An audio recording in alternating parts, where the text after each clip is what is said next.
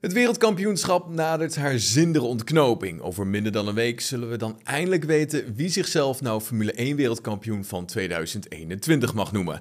Ja, er zijn toch een hoop verschillende scenario's die aanstaande zondag de kop op kunnen steken. Wij nemen ze even met je door. Max Verstappen en Lewis Hamilton die vertrekken met evenveel punten op zak richting Abu Dhabi. Dus eigenlijk zijn we weer terug waar we ooit in maart begonnen zijn. Hoewel het in de basis zo is dat de coureur die als eerste over de finish komt kampioen is, zijn er verschillende scenario's waar we aankomende zondag rekening mee moeten houden. Max en Lewis zijn dit seizoen al vaker betrokken geraakt bij onderlinge incidenten en crashes. Denk bijvoorbeeld terug aan de Grand Prix in Silverstone, Monza, Brazilië en natuurlijk Jeddah van afgelopen weekend. Ja, het is overduidelijk dat beide coureurs bereid zijn om in deze titelstrijd heel erg ver te gaan. Kans is dan ook groot dat ze in Abu Dhabi dan ook niet voor elkaar zullen terugdeinsen. De twee mannen hebben eigenlijk niets meer te verliezen, of juist een heleboel, het is maar een beetje hoe je het bekijkt.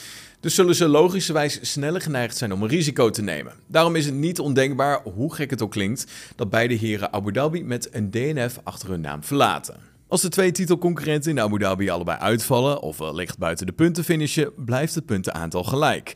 In een dergelijke situatie kijkt men in eerste instantie naar het aantal overwinningen. Als dat gelijk is, kijken we naar de tweede plaatsen, enzovoort, enzovoort.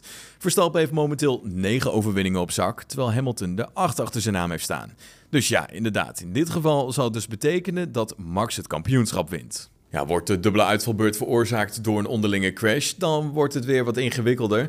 Want dan is het namelijk goed dat er nog een straf wordt uitgedeeld aan de hoofdschuldige van het incident. Ja, in dat geval zal zelfs een disqualificatie tot gevolg kunnen hebben. Veroorzaken van een crash is dus zeker geen verstandig idee, dat is het eigenlijk nooit, maar in dit geval al helemaal niet.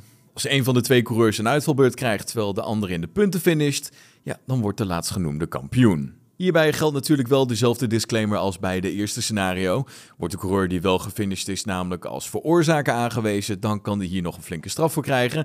Maar goed, gaat de DNF echter om een motorisch probleem of een incident met een andere coureur, ja, dan gaat dit punt natuurlijk niet op. Als beide heren in Abu Dhabi in de top 10 eindigen, is het eigenlijk gewoon heel simpel. Scenario's van tafel, de coureur die als eerste over de finish komt, ja, die wint het wereldkampioenschap. Maar er is één uitzondering. Stel je voor, Hamilton en Verstappen die komen aanstaande zondag als negende en tiende over de eindstreep. En Verstappen heeft de snelste raceronde in handen, dan wordt de Nederlander alsnog wereldkampioen. Bij de heren zouden dan gelijk komen te staan in het klassement, waardoor Verstappen dan aan het langste eind trekt. Heb je genoten van deze aflevering? Laat je horen via onze Apple Podcast pagina of vergeet ons niet te volgen op Spotify. Zie ik je morgen weer. Tot dan. Hoi.